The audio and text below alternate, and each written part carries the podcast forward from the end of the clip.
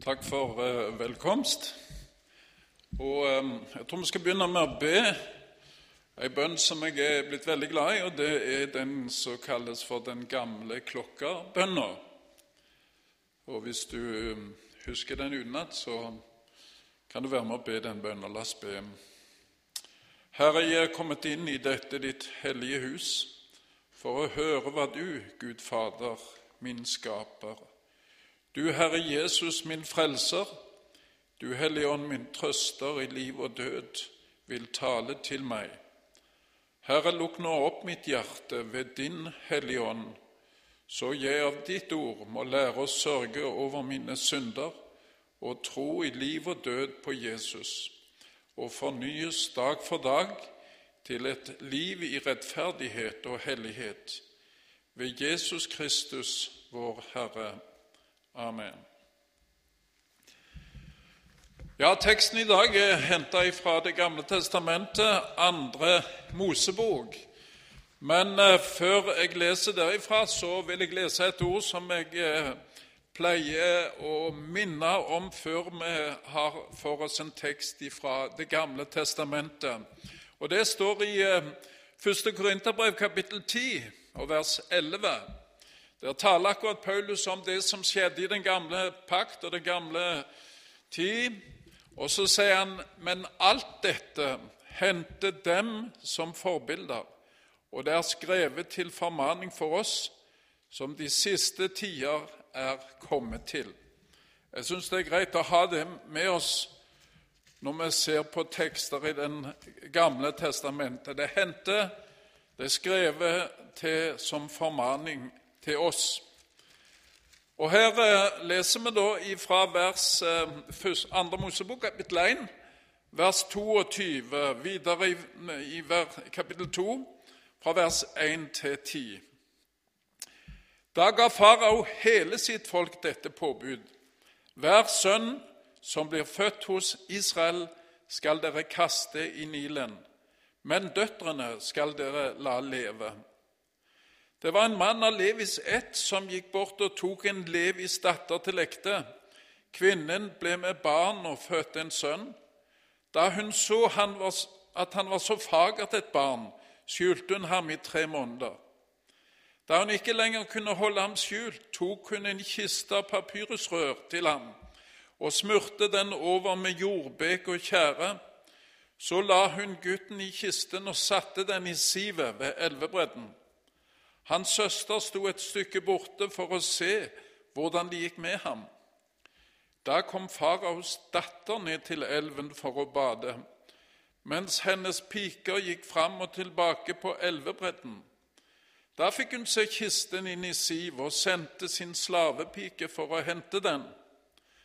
Da hun åpnet kisten, fikk hun se barnet, og se, det var en liten gutt som lå der og gråt. Hun kjente medynk med gutten og sa, 'Det er et av hebreernes barn.' Da sa guttens søster til faraos datter, 'Skal jeg gå og finne en amme for deg blant de hebraiske kvinner, så hun kan fostre opp barnet for deg?' Faraos datter svarte henne, 'Ja, gå.' Så gikk piken og hentet guttens mor. Faraos datter sa til henne, Ta denne gutten og fostre ham opp for meg. Jeg vil gi deg lønn for det. Kvinnen tok da gutten og fostret ham opp. Da gutten var vokst opp, gikk hun til faraos datter med ham, og han ble som en sønn for henne. Hun kalte ham Moses, for, sa hun, jeg har dratt ham opp av vannet. Det er en uh, ungdom fra Israel som uh, er ofte på besøk hjemme hos oss. Han jobber med en av mine sønner. Og han uh, spør et spørsmål. Hvorfor er mitt folk alltid forfulgt? Hvorfor får mitt folk alltid skylda når noe er galt? Og hvorfor hater verden oss? Det spørsmålet skal jeg komme tilbake til litt seinere. Her er vi altså i eh, Egypt, og eh, Israels barn har vært her i litt over 400 år.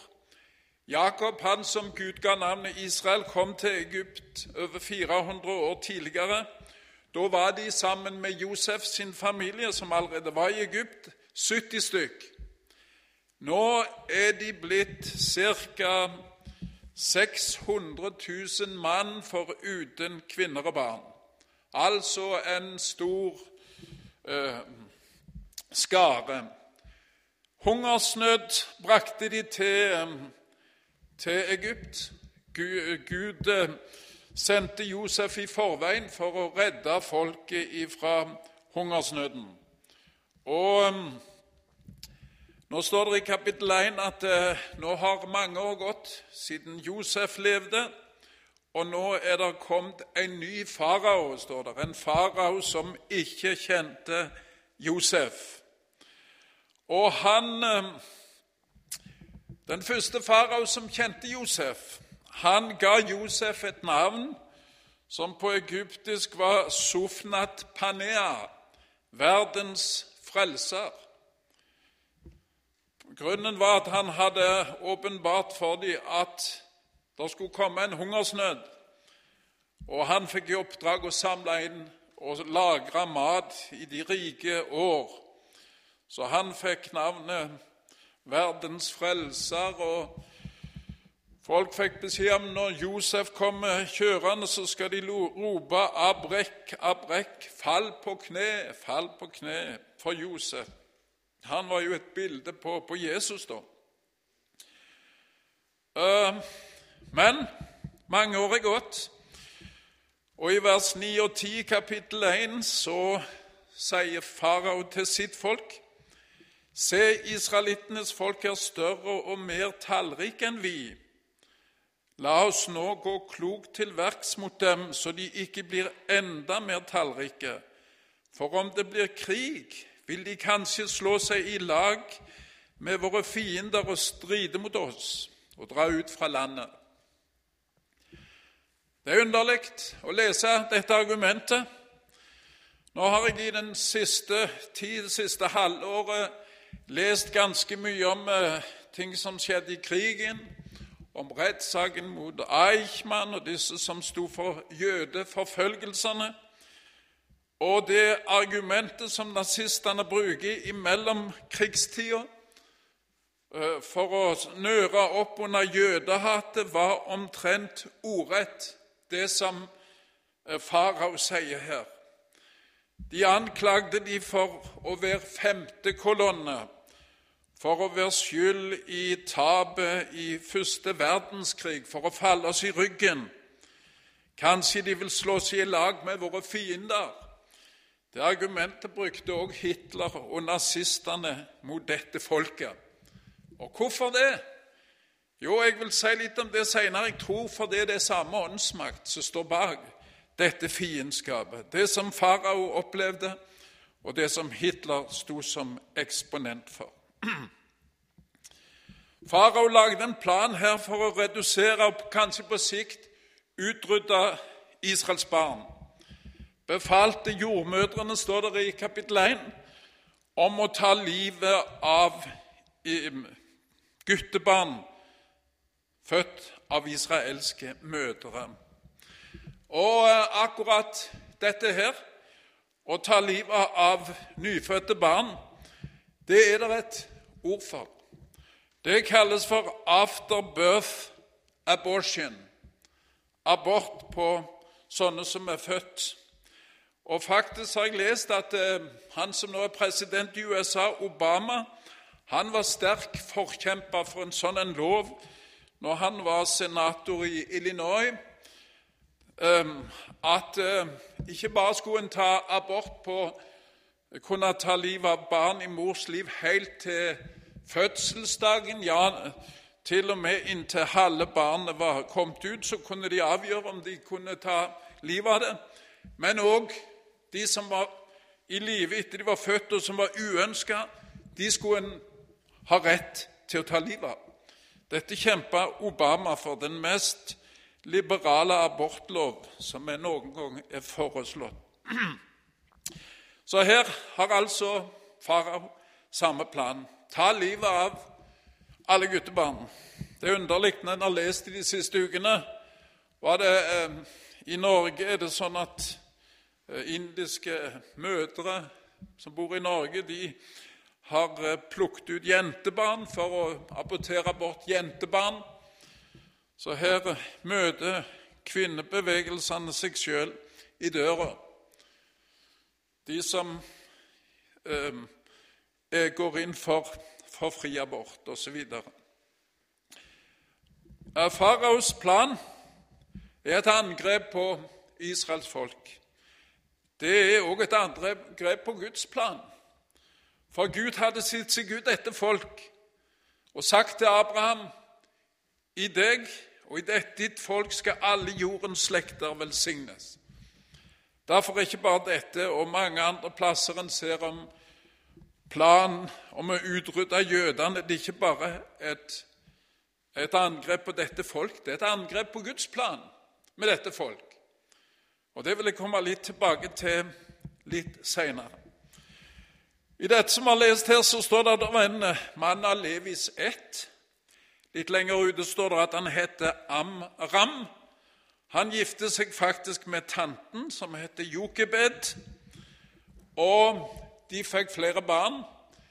Men etter dette befalingen fra farao, så fikk de altså denne sønnen, som ble ramma av denne befalingen om at alle guttebarn skal kastes i Nilen, skal drukne, skal kastes til krokodillene, for å redusere og på sikt Eh, bøye dette folket, redusere de og kanskje utrydde de.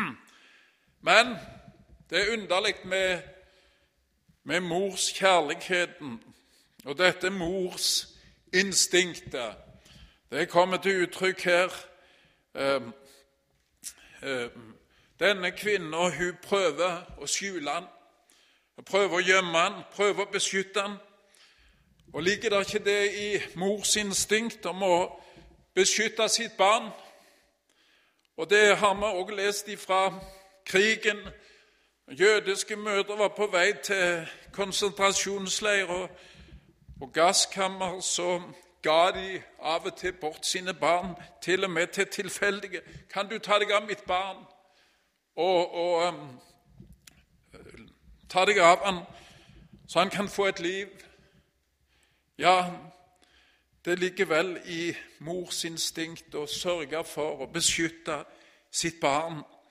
Og Denne kvinnen, Jokebed, hun lagde ei kiste av papyrusrør. og Smurte den over med jordbek og lagde låg på, og satte denne kista på Nilen. Og Det er underlig at det Ordet som er brukt for denne kista på hebraisk, det er teba. Og Dette ordet det er brukt kun én annen plass i eh, Det gamle testamentet eller i Bibelen om en annen farkost. Og den farkosten som heter teba, det er Noas ark. Kun ett. Kun én ting til utenom denne kista til til, til mm, Moses. Noas ark, det var Teba. Hun lagde en ark til han i håp om at noen vil finne han, og noen vil, eh, vil eh, redde gutten sin. Og Til og med så satt hun Miriam på en seks-sju år i sivet for å se hvordan det kom med han. Så står det her i vers 4-5 så kommer altså denne faraos datter, datter til kongen, han som hadde utstedt eh, den loven at alle guttebarn skal drepes, druknes, kastes i Nilen, kastes til krokodillene. Og denne prinsessa, hun kjente dette, denne befalingen. Og hun skulle bade seg der, og så står det det at uh, hun um, Jentene, hennes piker, gikk fram og tilbake på elvebredden. da han fikk se kisten inni sivet og sendte sin slavepike for å hente den. Da hun åpnet kisten, fikk hun se barn og se. Det var en liten gutt som lå der og gråt. Hun kjente medynk med gutten og sa, 'Det er et av hebreernes barn'. Hun visste det, at hebreernes barn ble kasta i Nilen. Men det er underlig. En kan eh, forholde seg til en befaling, noe som er skrevet på et ark, til en dødsdom på den måten, men å stå ansikt til ansikt med det, den det gjelder, det er noe annerledes. Og her er altså denne unge kvinnen står ansikt til ansikt med et dødsdømt barn. Og hun, om hun var rett politiker, burde jo bare kaste det fra seg og sagt det er jo hebreernes barn som ikke skal få leve opp. Men det skjedde noe med denne unge kvinnen. Og Før jeg går videre på det, så har jeg lest om en doktor i New York som heter Bernard Nathanson. Nathanson. Og han Du kan gå inn på um, Internett og, um, og slå opp på Nathanson, Nathanson, og da skriver han der sjøl Jeg er ansvarlig for 75 000 aborter, skriver han. Jeg er ansvarlig for 75 000 aborter. Han var en av de som kjempa for fri abort i USA, som drog på kampanjer for å få denne loven gjennom, for å få det helt fritt. Og de lo av livssynsforkjemperne. Og de gjorde det til kvinnesak, kvinnerettssak osv. Men det, hos denne Natansan så skjedde det en forandring når teknologien utvikla seg, og han fikk Han begynte å skulle bruke et ultralydapparat. Og jeg brukte dette ultralydapparatet, og så gikk det opp for han. Hva er det vi holder på med her? Vi tar jo livet av barn. Vi tar jo livet av små barn. Det ble fullstendig forandring hos han når han møtte et foster, for å si det sånn, ansikt til ansikt gjennom et ultralydapparat.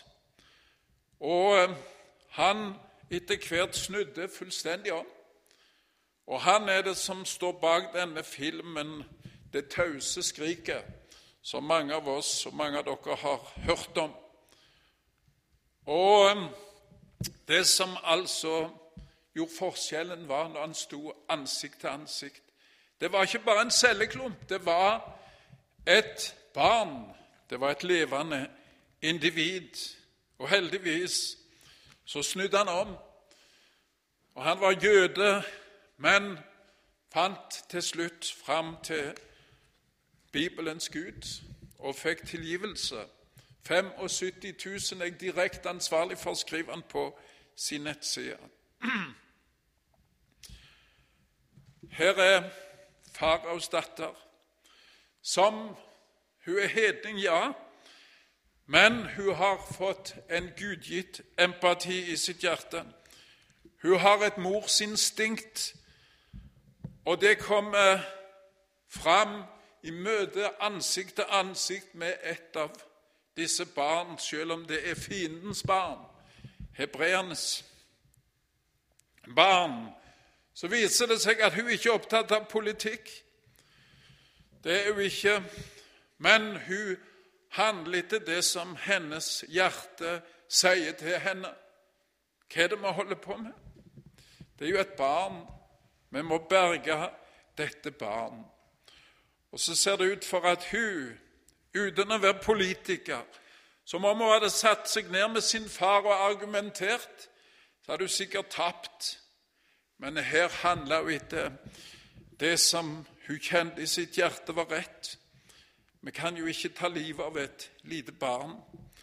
Og så er det sånn at mektige menn de påvirkes av sine kvinner, og ikke minst av sine døtre.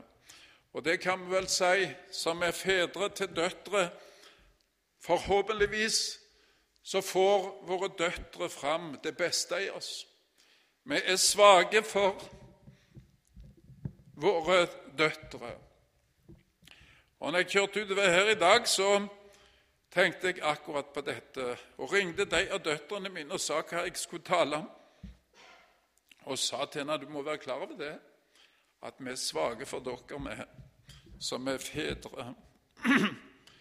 Så sa da håper jeg at vi får dere til å gjøre noe bra, gjøre noe godt.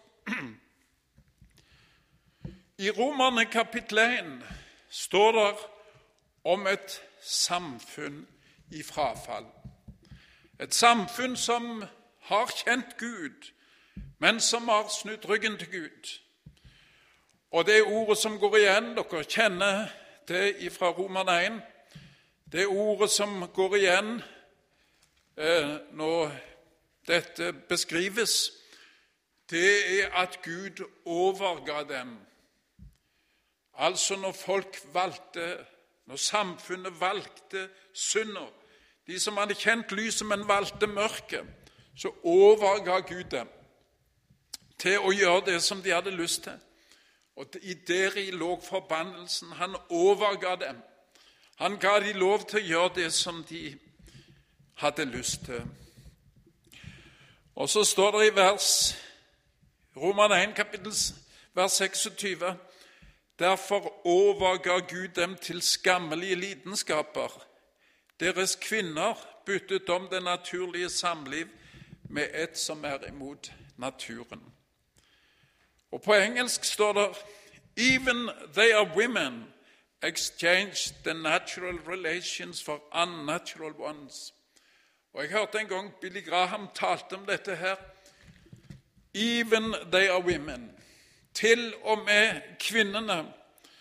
Og så sa han det at eh, vi må vel innse at de som har vært foregangsmenn i vold, perversiteter og vulgariteter, det er ofte menn.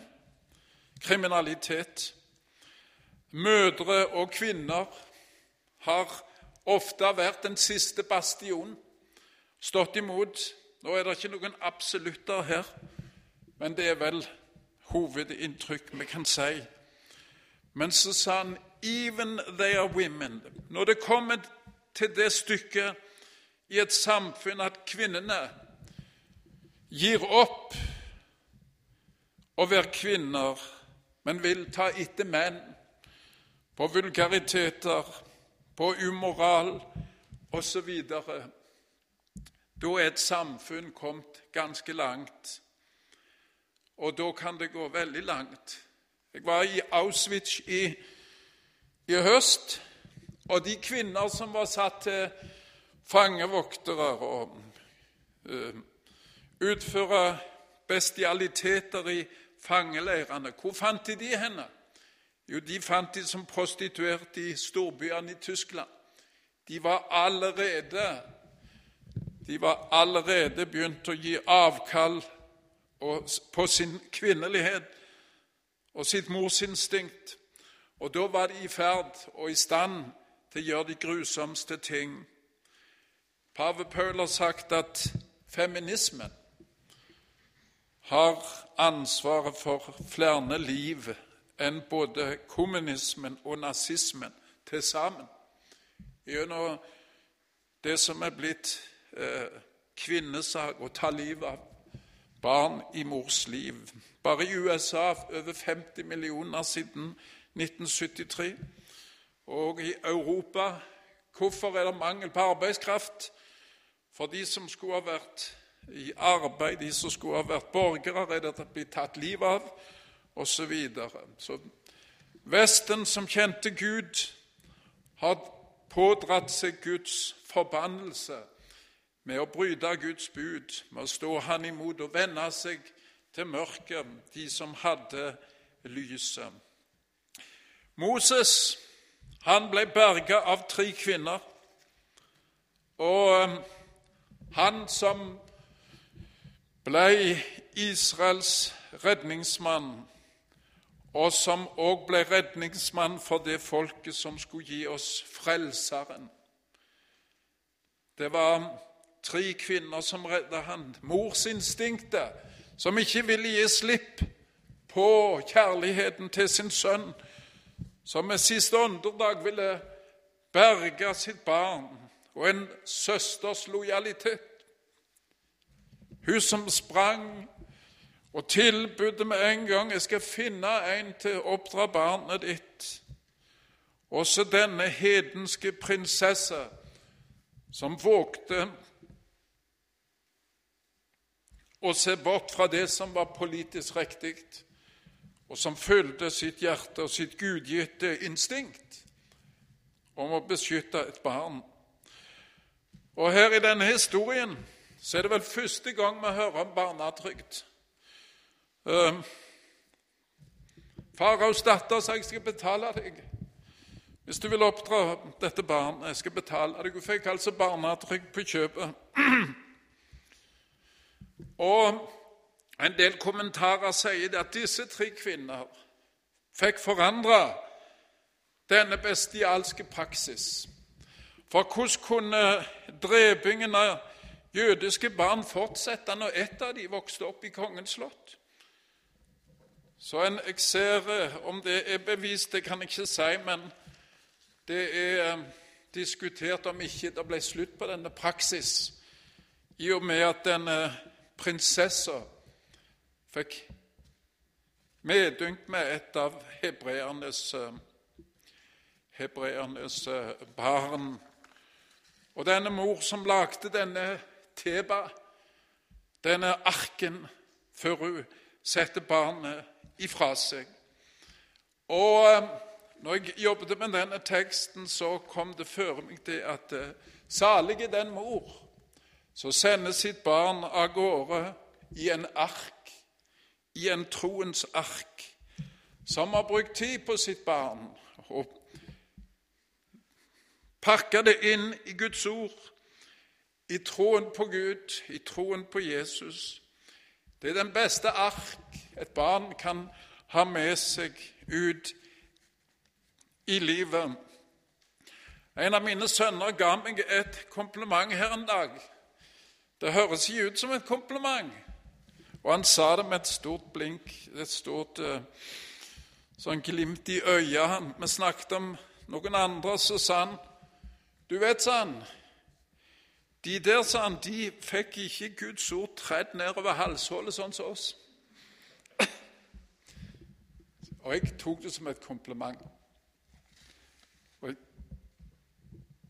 på grunn av Jeg tror ikke han mente det så brutalt som han sa det, men han sa det på sin måte. Den som har fått gitt sine barn Guds ord, som er ballast og pakka inn i Guds ord, den har gitt sine barn en teba, en ark, noe som kan, skal bevare livet, og som gir evig liv for den som holder fast på det. Vi må ikke se på det som småtteri. Det er kjempeviktig og kjempestort. Faraos datter kunne ikke argumentere med sin far, nei, men hun hadde et gudgitt instinkt på at et barn må vi ta vare på. Og um, i denne lesningen av uh, bøker og materialer fra krigen og tida før krigen, så kom jeg over Nå husker jeg ikke akkurat om dette var nylig eller om det var litt tidligere, men den jødiske stat har gitt uh, en pris til 6000 polakker. Og de har fått en pris som kalles for de rettferdige iblant nasjonene. The righteous among the nations. Og disse 6000 polakker det her er tale om, de fikk denne prisen for det at de på tross av um, at det ikke var lov, på tross av forfølgelsen, på tross av at de gjorde det med risiko for sitt eget liv, så tok de vare på jødiske barn og de skjulte jøder som var bestemt for å bli utrydda. the righteous among the nations.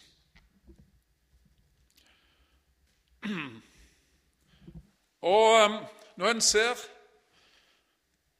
hva tre kvinner som ikke hadde fasiten Vi har fasiten, vi, vi vet det var Moses, og hva det ble ut av han. Men her har de ikke fasiten. Det er bare et alminnelig barn osv. De visste ikke hva Gud hadde planlagt med dette barnet. En hverdagshistorie, kan en si. De visste ikke det var noe spesielt med dette barnet.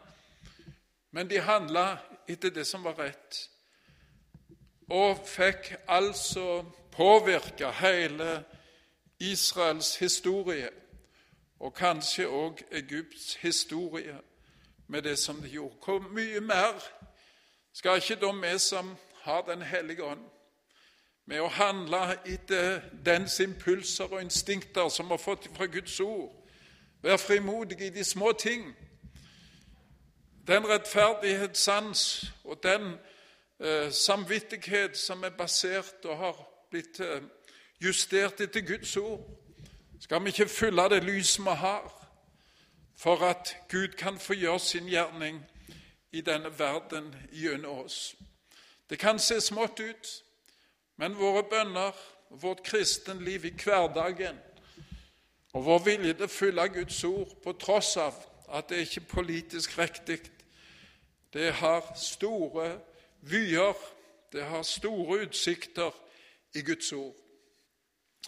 Hvorfor er mitt folk alltid forfulgt? Spør den israelske unge mannen. Og da sa jeg til han, jeg tror, det, jeg tror Bibelen gir svar på det. Jeg tror Bibelen gir svar på det. Og jeg tror vi finner svaret i Åpenbaringen kapittel 12. Du kan ta opp teksten. Jeg tror der ligger svaret hvorfor ditt folk er forfulgt og hata. På Moses' tid, opp gjennom hele historien, og dronning Esters tid, når Haman ville utrydde hele folket, ja, til og med på Hitlers tid. Hvorfor er mitt folk forfulgt? Og vi ser òg hvordan eh, antisemittismen vokser rundt om, ikke minst i den gamle kristne verden Europa. Hvordan dette folket er hata, og hvordan det i eh, Salme 83 det kunne vært skreven av, eh, av Det kunne vært skrevet i dag. Kanskje jeg skal ta meg tid å, å lese de første vers av Salme 83, så kan du tenke om det kunne vært skrevet i dag om dette folk. De sier, 'Kom, la oss utslette dem, så de ikke lenger mer er et folk', slik at ingen lenger minnes Israels barn. For med et hjerte rådslår de med hverandre, mot deg inngår de pakt. Det står i Salme 83, det kunne vel vært sagt i dag. Men her i Åpenbaringen 12 her eh, skal jeg lese faktisk de fire første vers. Et stort tegn ble sett i himmelen, en kvinne kledd med solen og månen under hennes føtter, og på hennes hode en krone av tolv stjerner. Hun var med barn og skrek i barnsnød og fødselsvær. Og et annet tegn ble sett i himmelen, og se en stor ildrød drage som hadde sju hoder og ti horn, og på sine hoder sju kroner. Med sin hale drog den med seg tredjedel av himmelens stjerner og kastet dem til jorden. Og den stilte seg foran kvinnen som skulle føde, for å sluke barnet hennes så snart hun hadde født. Og så er diskusjonen hva er det som tales om i denne teksten? Hvem er denne kvinnen? Noen sier det jomfru Marie, andre sier det de kristne kirke. Og Dette er grunnlag for minst én bibeltime, men jeg vil bare si noen få ord om det. Men kvinnen, det er Israels barn. Det er jødefolket. Og eh, hvem er dette barnet? Jo, det er Jesusbarnet. Og um, hvem er den dragen som stiller seg opp for å sluke kvinnen og sluke barnet? Det er Satan, som husker hva Gud sa i hagen Kvinnens ett skal knuse slangens hode. Og her er det jødefolket som eh, bringer fram Jesus. Og så står Satan der og vil ta livet av Jesus så snart det blir født. Det var jo det som skjedde når Herodes sendte soldatene for å ta livet av alle guttebarn i Betlehem. Her står det liksom forklart hvorfor. Fordi han hata dette barnet. Og så står det litt lenger nede i vers 13 da dragen så den var kastet ned på jorden, forfulgte den kvinnen som hadde født guttebarnet. Og i vers 15.: Slangen sprutet av sin munn vann som en elv etter kvinnen, for å rive henne bort med elven. Hvem er kvinnen? Det er det jødiske folk. Og hvorfor er mitt folk forfulgt? spurte den. Og så sa jeg vi må lese i Åpenbaringen 12. Det er på grunn av dette barnet. Det var på grunn av at ditt folk kom med barnet. Og så er det på grunn av at ditt folk er med i Guds plan til å fullføre Hans verk på jord. Det er derfor jeg er overbevist om at uh, ditt folk er hata, og ditt folk er prøvd utrydda. Det er på grunn av dette barnet, Jesus-barnet. Frelsens vei som var lagt i dette folk, så kommer Jesus. Og så ser en hele Bibelen som en stor symfoni, der temaet kommer fram gang etter gang. En ser det i historien om Moses, om dette hatet imot dette folk. Og så ser en det at eh, menneskene kom ikke på dette av seg sjøl, men inspirert av ei demonisk makt som hater barnet og hater dette folket på grunn av barnet. I eh, mai skal vi ha en konferanse i Salem om eh, endetida. Vi har innbudt en kapasitet fra USA som vi kjenner. Og vi kommer til en endetidskonferanse i Salem 4.-6. mai. Så da er dere velkomne. Og da blir det mer om disse ting. Om disse ting som skjer i Midtøsten i dag, om disse ting som skjer med jødefolket i dag, om dette er en del av de siste krampetrekninger før det siste store drama for Jesu gjenkomst. Mange av oss som leser Skriftene, syns vi kan se konturene av at det som Gud taler om den siste tid, det holder på å legge seg til rette. Og dette skal vi ha konferanse om. Og dette folk, som noen vil si, betyr ikke noe lenger. Denne kvinnen som fødte dette barnet, jo, det betyr noe. Det er midt i Guds plan. Det er midt i Guds plan, og det skal være med i Guds plan helt til siste Herren setter en strek for livet her på jord. Amen.